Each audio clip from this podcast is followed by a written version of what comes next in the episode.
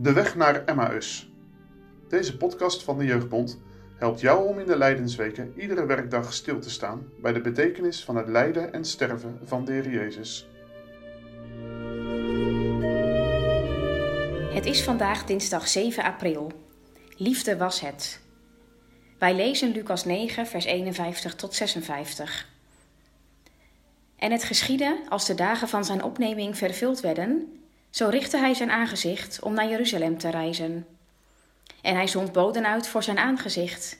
En zij, heengereisd zijnde, kwamen in een vlek van de Samaritanen om voor hem herberg te bereiden.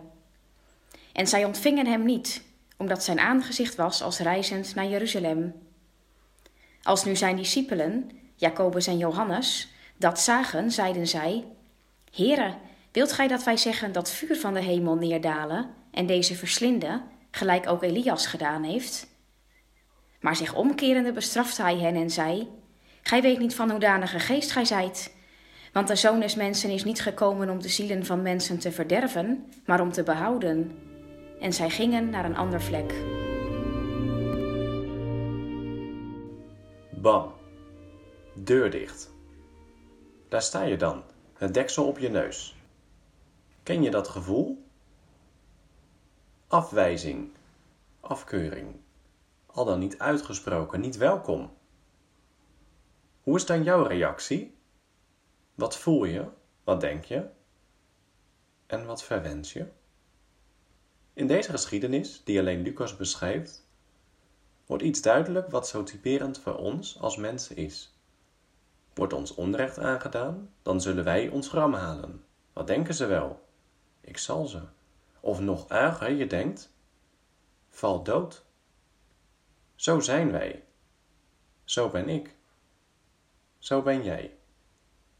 En Jacobus en Johannes waren niet anders.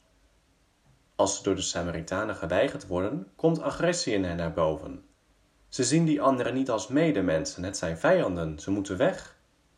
En dan denken ze ineens aan Elia. Jezus is toch meer dan Elia? Nou, Elia bad om vuur van de hemel en het vuur verslond de spottende mensen. Het antwoord van Jezus zet Jacobus en Johannes op hun plaats. En ons erbij. Jullie hebben geen idee vanuit wat voor geest je spreekt. Jezus is niet bezig met mensen te gronden te richten, maar om te behouden. Zo schreef Lucas het ook op aan het begin van deze geschiedenis. Als de dagen van zijn opneming vervuld werden, richtte hij zijn gezicht naar Jeruzalem. Jezus is niet de gewone pelgrim die voor het paasfeest naar Jeruzalem reist. Nee, hij is zelf het paaslam dat in Jeruzalem geslacht gaat worden. Daar is de geest van Jezus vol van. Wat een contrast. Discipelen die vanuit de grond van hun hart mensen willen opruimen. En Jezus, die vanuit de grond van zijn hart bezig is om mensen te behouden. Of Jezus jou wil redden? Is dat je vraag? Ik hoop dat jij vandaag hier antwoord vindt. Hij ging naar Jeruzalem om met zijn eigen dood mensen het leven te geven. En wat als je weer die wrokgevoelens hebt? Jou wordt onrecht aangedaan en je kunt het niet uitstaan.